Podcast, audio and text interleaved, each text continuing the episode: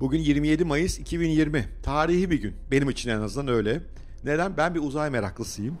Ve Amerika Birleşik Devletleri 2011 yılından beri ilk kez insanlı bir hava taşıtını uzaya gönderiyor. Uluslararası Uzay İstasyonu ile kenetlenmek üzere. Benim için tarihi olmasının bir diğer sebebi de Elon Musk'la olan ilişkisi.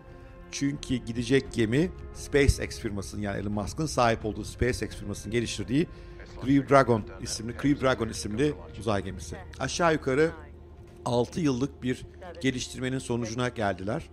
3 e, milyar dolarda para harcandı bu işe. Aslında SpaceX bu yarışta tek başına değildi. NASA ilk defa özel sektöre böyle proje devrederken sadece SpaceX'e güvenmek istemedi. Boeing'e de ihaleyi verdiler. İki firma yarıştı. Maalesef Boeing'in geliştirdiği CST-100 Starlink adlı gemi yakın zamandaki bir insansız denemede başarısız olunca yarışı SpaceX kazandı. Tabii Boeing de yakın zamanda yeni denemelerine devam ediyor olacak. Amerika 2011 yılından beri bu uçuşları, insanlı uçuşları gerçekleştiremiyordu. Ee, uzay mekiği programını kapatmışlardı. Hem güvenlik sebeplerinden belki bilenler var epey büyük kazalar yaşandı, ölümlü kazalar. Hem de ekonomik nedenlerden dolayı.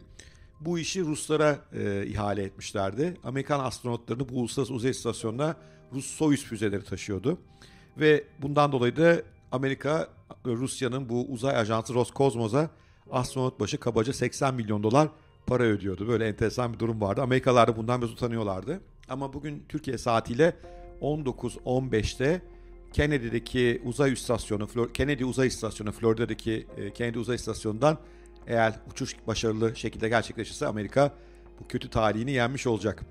Tabii uçuşun gerçekleşip gerçekleşmeyeceği hava durumuna bağlı. E, hava durumu çok etkili uzay uçuşlarını malum. Onun sonuçlarını görüyor olacağız birlikte. Bu uzay üssü önemli bir uzay üssü bu arada Kennedy Space. Çünkü hem Ay'a giden Apollo 11 buradan havalanmış hem de son e, uzay mekiği de yine buradan 2011 yılında e, havalanmış. İşin ilginci e, uzaya gidecek bu seferki seferde uzaya gidecek iki astronottan Doug Hurley bu 2011'deki son seferinde pilotuymuş. Atlantis adlı mekiği oraya götürmüş.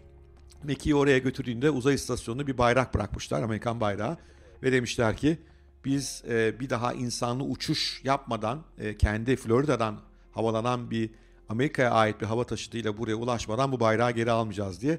Eğer bu sefer başarılı olursa o bayrağı da alıp geliyor olacaklar. Aslında bu tip e, e, olayları NASA çok ciddi bir şova çevirmeyi iyi biliyor. E, eğer normal günlerde olsaydık binlerce izleyici gidecekti oraya ve uzay üstünün etrafındaki arsalarda bu büyük eventi izleyeceklerdi. Fakat Covid-19 tabii buna izin vermiyor. O yüzden insanlara bunun televizyondan, YouTube'dan izlenmesi tavsiye ediliyor. En sonunda videonu tekrarlayacağım ama şimdi geri gelmişken söyleyeyim. Bu akşam 19-15 itibariyle YouTube'da SpaceX veya NASA kanalından canlı izleyebilirsiniz. Tabii eğer hava durumu izin verirse. Ee, bu arada astronotlarla ilgili de çok özel önlemler alınmış. Çünkü astronotların da uzay istasyonuna Covid-19 taşımasından endişeleniyor. Ee, NASA haklı olarak. O yüzden 13 Mayıs'tan beri e, karantinadalar. E, yanlarına pek kimse yaklaştırılmıyor. Böyle bir izolasyondan oraya gidiyorlar. Ailelerine epey özlediklerini tahmin ediyorum.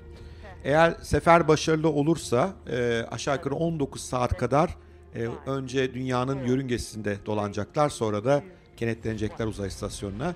Tam belli olmamakla beraber 3,5-4 ay civarında orada kalmaları bekleniyor.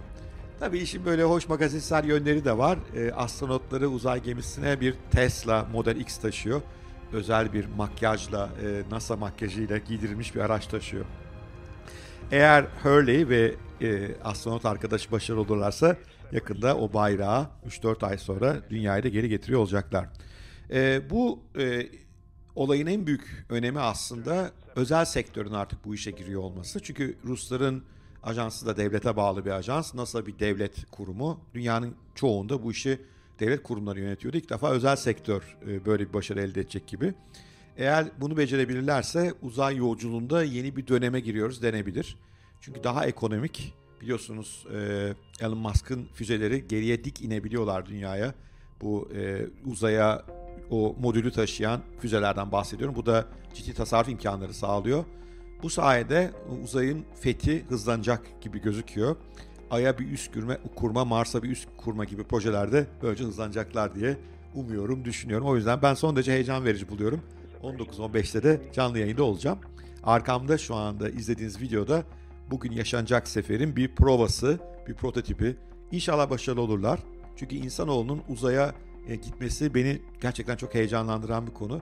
Bu çok ihmal edilmiş. Bu özellikle Amerika ile Rusya arasındaki soğuk savaş bittikten sonra biraz geriye bırakılmış bir konu. Oysa insanoğlunun uzayda kolonileşmesi bence bir ihtiyaç. Bunun sebeplerini dilerseniz daha e, başka bir videoda ileride anlatmaya çalışırım. Her zamanki gibi videomu beğenmişseniz abone olmanızı siteme, e, podcast'te dinliyorsanız podcast'lerini rica ediyorum. Bir e, like da güzel olur açıkçası. Biraz daha e, yayınlarımın öne çıkması için. Çok teşekkür ediyorum beni izlediğiniz için. Görüşmek üzere.